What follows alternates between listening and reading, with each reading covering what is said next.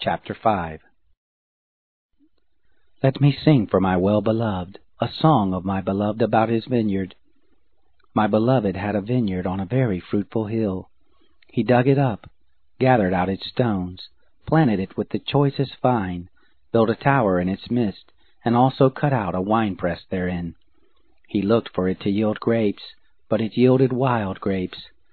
Now, inhabitants of Jerusalem and men of Judah, please judge between me and my vineyard. What could have been done more to my vineyard that I have not done in it? Why, when I looked for it to yield grapes, did it yield wild grapes? Now I will tell you what I will do to my vineyard. I will take away its hedge, and it will be eaten up. I will break down its wall, and it will be trampled down. I will lay it a wasteland.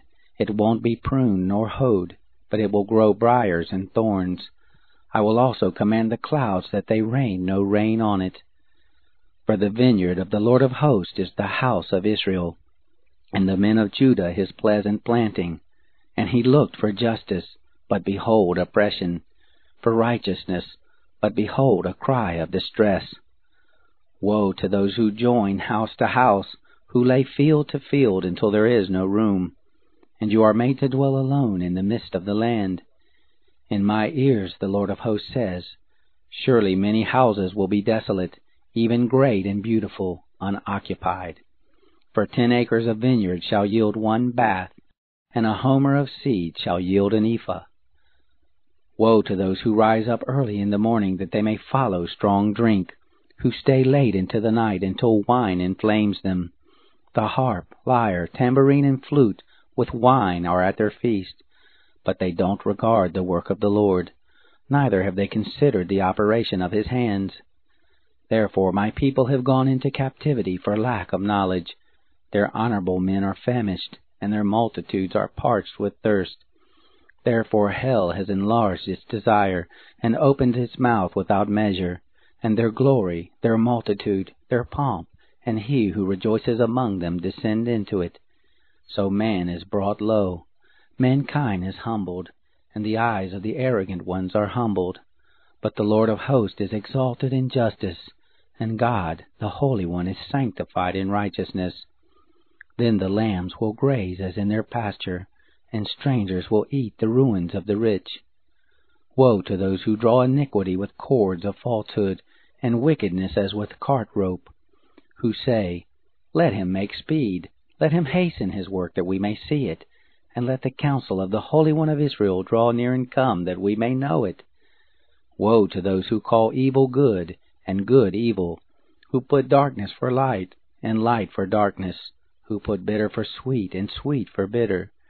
Woe to those who are wise in their own eyes, and prudent in their own sight. Woe to those who are mighty to drink wine, and champions at mixing strong drink, who acquit the guilty for a bribe, but deny justice for the innocent. Therefore as the tongue of fire devours the stubble, and as the dry grass sinks down in the flame, so their root shall be as rottenness, and their blossom shall go up as dust. Because they have rejected the Lord's law, and despised the word of the Holy One of Israel. Therefore the Lord's anger burns against his people, and he has stretched out his hand against them, and has struck them. The mountains tremble, and their dead bodies are his refuse in the midst of the streets. For all this his anger is not turned away, but his hand is still stretched out. He will lift up a banner to the nations from afar, and he will whistle for them from the end of the earth. Behold, they will come speedily and swiftly. None shall be weary nor stumble among them.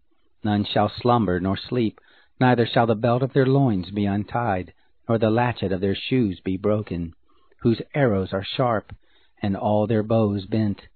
Their horses' hoofs will be like flint, and their wheels like a whirlwind. Their roaring will be like a lioness. They will roar like young lions. Yes, they shall roar, and seize their prey, and carry it off, and there will be no one to deliver. They will roar against them in that day like the roaring of the sea. If one looks to the land, behold darkness and distress. The light is darkened in its clouds.